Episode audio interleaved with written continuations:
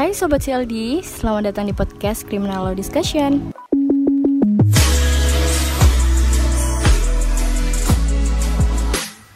Halo teman-teman semua, kembali lagi di podcast Criminal Law Discussion, tempatnya belajar hukum pidana. Namaku Torando dari angkatan 2018. Nah, pada kesempatan kali ini kita akan berbicara tentang hukum acara pidana terkhusus kepada tahapan proses persidangan perkara pidana di pengadilan tingkat pertama atau pengadilan negeri. Kemudian kita akan membahas juga tentang upaya hukum biasa serta luar biasa. Nah, teman-teman di sini mungkin uh, bakal dapat materi ini ketika menempuh mata kuliah hukum acara pidana. Jadi tata urutan persidangan, upaya hukum, baik penyidikan penyelidikan nanti bakal teman-teman dapetin di hukum acara pidana. Mungkin langsung aja kita ke Eh, tahapan-tahapan persidangan perkara pidana di pengadilan negeri. Nah, yang pertama itu hakim nanti bakal membuka persidangan. Jadi uh, hakim bakal sidang dibuka dan terbuka untuk umum. Nah, apabila ada sidang tertutup itu juga bisa tuh. Jadi sidang dibuka dan tertutup. Nah, gitu. Tertutup itu biasanya untuk kasus-kasus seperti kasus asusila, kemudian kasus anak. Nah, itu peradilannya bersifatnya tertutup. Nah, kemudian setelah sidang dibuka sidang dibuka itu nanti e, majelis hakim bakal meminta jaksa untuk menghadirkan terdakwa dan membacakan dakwaannya.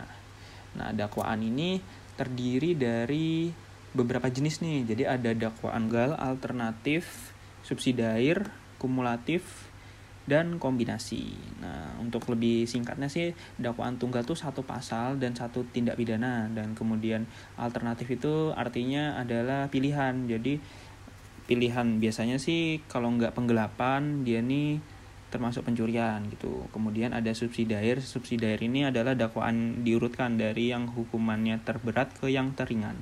Kemudian kumulatif, kumulatif ini adalah beberapa tindak pidana, semisal seseorang tersebut mencuri dan membunuh itu. Kemudian ada dakwaan kombinasi. Dakwaan kombinasi ini artinya uh, adalah dakwaan gabungan antara dakwaan alternatif dan subsidiair begitu. Kemudian uh, dakwaan ini dia juga harus memenuhi unsur formil dan material. Unsur formilnya itu ada di pasal 143 Kitab Undang-Undang Hukum Acara Pidana. Apa aja sih syarat formil dakwaan itu? Nah, syarat formil dakwaan itu ada uh, ada identitas. Jadi ada nama, kemudian tempat tanggal lahir, umur, jenis kelamin, agama, kemudian tempat tinggal dan lain-lain. Nah, itu unsur formilnya. Jadi uh, unsur formil itu lebih ke identitas dari si terdakwa. Nah, kemudian ada syarat yang dinamakan syarat material. Nah, syarat material ini berisikan uh, bahwasannya adalah waktu, tempat, atau tempus dan lotus. Tempus itu terkait dengan waktu, sedangkan lotus terkait dengan tempat. Nah, kenapa lotus dan tempus ini menjadi penting? Karena tempat e, terjadinya peristiwa pidana tersebut untuk menentukan pengadilan mana yang berhak untuk memeriksa perkara tersebut atau kompetensi pengadilan.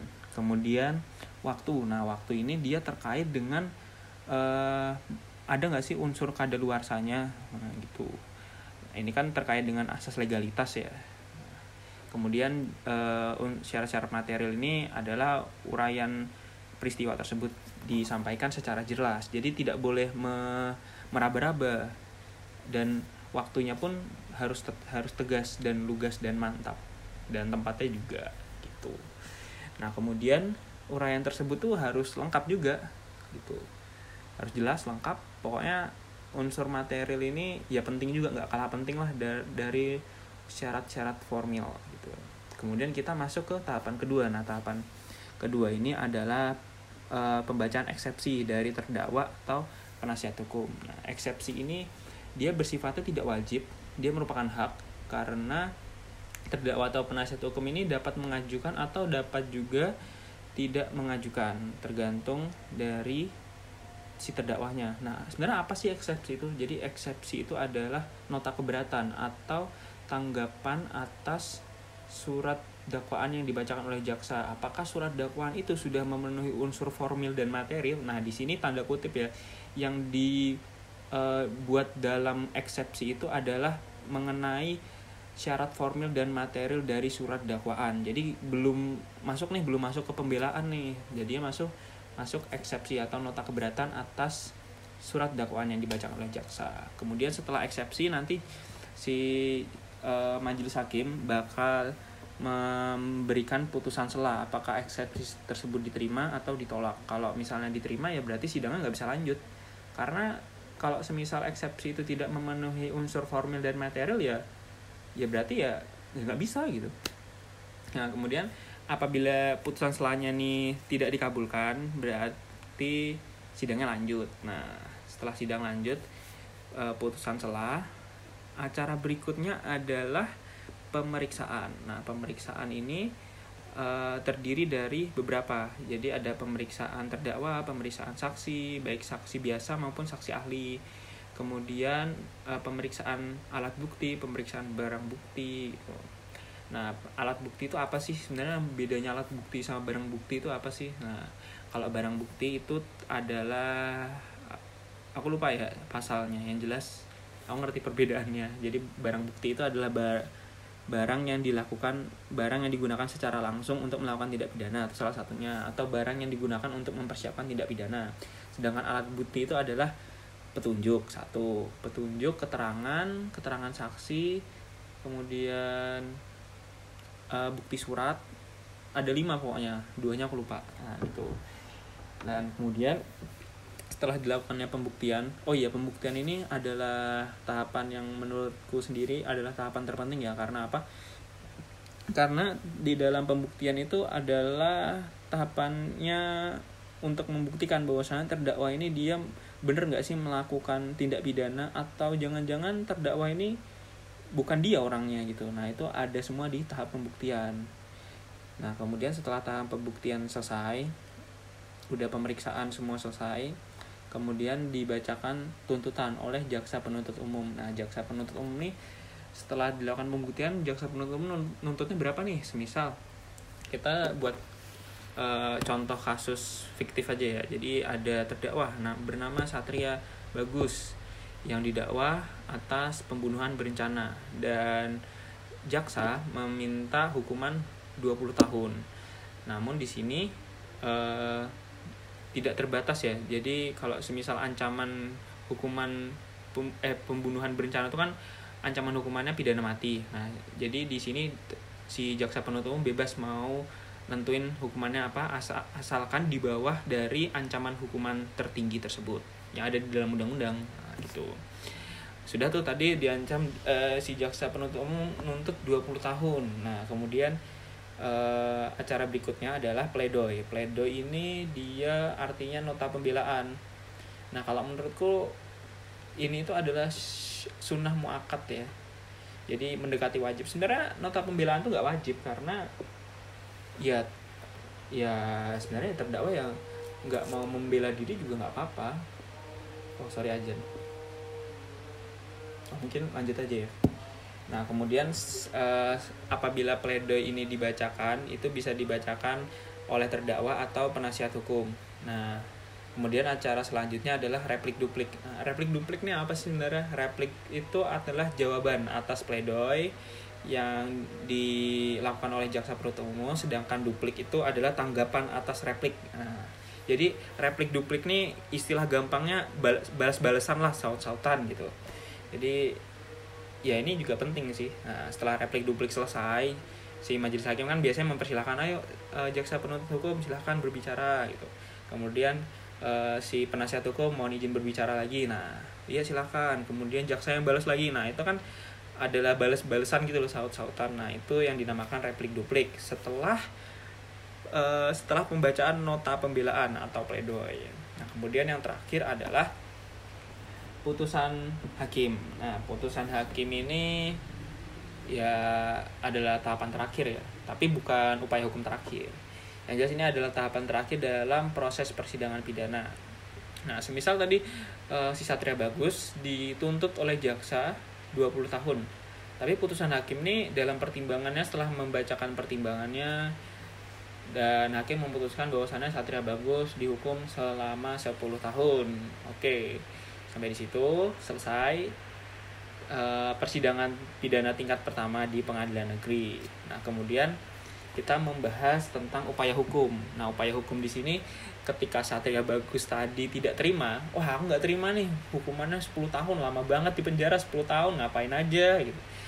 Nah, kemudian Satria Bagus ini dia memiliki hak konstitusional untuk mengajukan yang dinamakan upaya hukum banding. Nah, upaya hukum banding ini dia dilakukannya di pengadilan tinggi. Semisal di Yogyakarta ya berarti pengadilan tinggi Yogyakarta.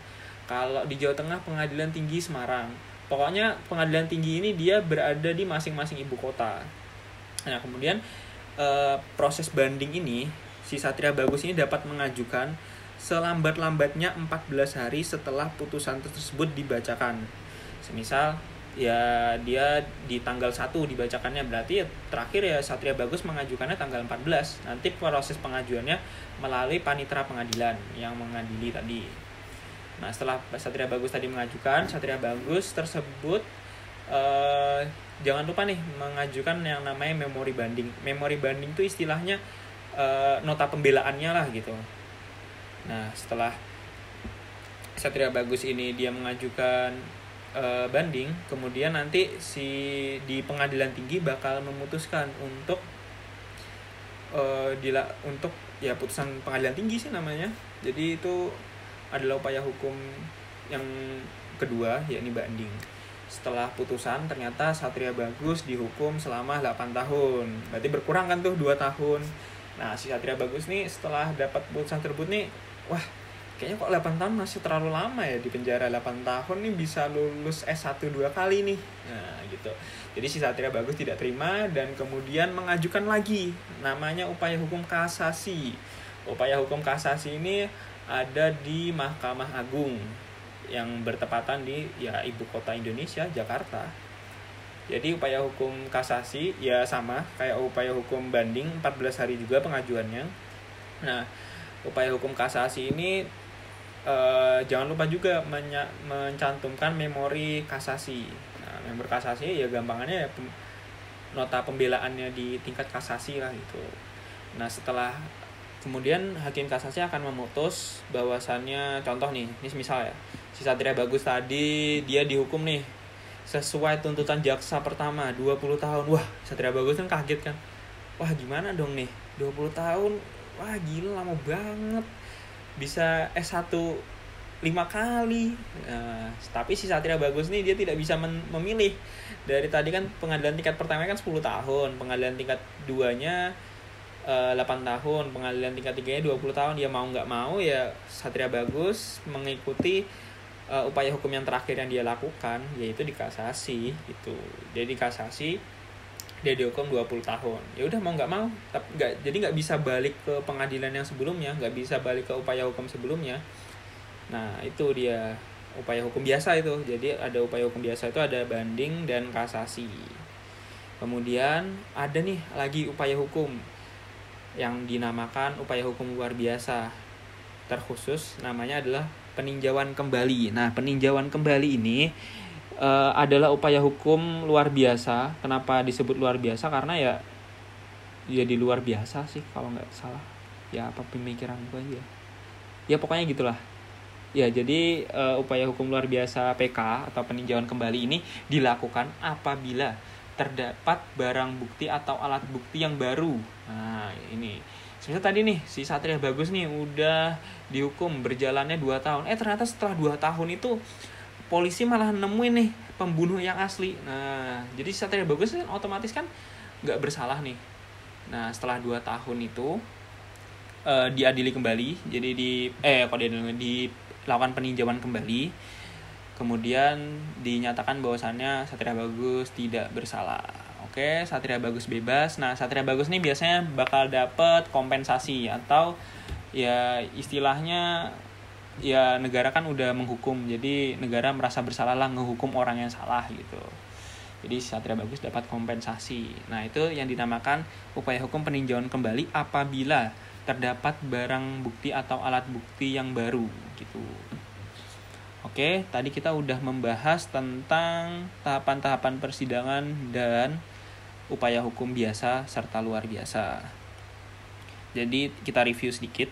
Jadi tahapan-tahapan persidangan ada yang pertama sidang terbuka untuk umum, kemudian eh, pembacaan dakwaan oleh penuntut umum, kemudian eksepsi atau nota keberatan atau eh, respon atas surat dakwaan, kemudian putusan selah, kemudian proses pembuktian dan pemeriksaan saksi-saksi, saksi terdakwa, ya, kemudian ada uh, pembacaan tuntutan, kemudian pledoi, pledoi itu nota pembelaannya, kemudian replik duplik, balas membalas, kemudian ada putusan hakim. Nah kemudian kita membahas tentang upaya hukum. Upaya hukum itu ada upaya hukum biasa dan luar biasa. Upaya hukum biasa itu ada terdiri dari oh iya sebenarnya upaya hukum biasa tuh ada banding, kasasi dan satu lagi verzet atau perlawanan. Nah, perlawanan ini dilakukan ketika sudah ada tuh putusan pengadilan tingkat pertama atau pengadilan negeri itu ya dilakukan perlawanan di situ. Namanya upaya hukum biasa verzet. Jadi upaya hukum biasa itu ada tiga ya upaya hukum banding, kasasi, dan verzet atau perlawanan. Kemudian ada upaya hukum luar biasa atau peninjauan kembali. Oh iya sebenarnya upaya hukum luar biasanya ada upaya hukum kas upaya hukum peninjauan kembali dan kasasi demi kepentingan hukum. Nah, aku sebenarnya lupa sih kasasi demi kepentingan hukum itu apa. Coba nanti kita pelajari lagi ya. Eh, teman-teman bisa ya sekarang kan bisa googling atau tanya atau bahkan bisa DM ke CLD nanti bakal kita balas oleh admin-admin dari tim media kreatif dan juga kita nanti bisa berdiskusi jangan lupa ikut diskusinya CLD oke teman-teman sekian dulu podcast kali ini. Terima kasih udah dengerin sampai sejauh ini. Aku ngargain banget semoga ilmunya bermanfaat dan semoga teman-teman sekalian dapat dimudahkan dalam segala urusan. Amin. Ya alamin. Sekian teman-teman, sampai ketemu di podcast selanjutnya. Kalau ada pertanyaan atau bahkan masukan, dapat DM ke Instagram CLD FHUI.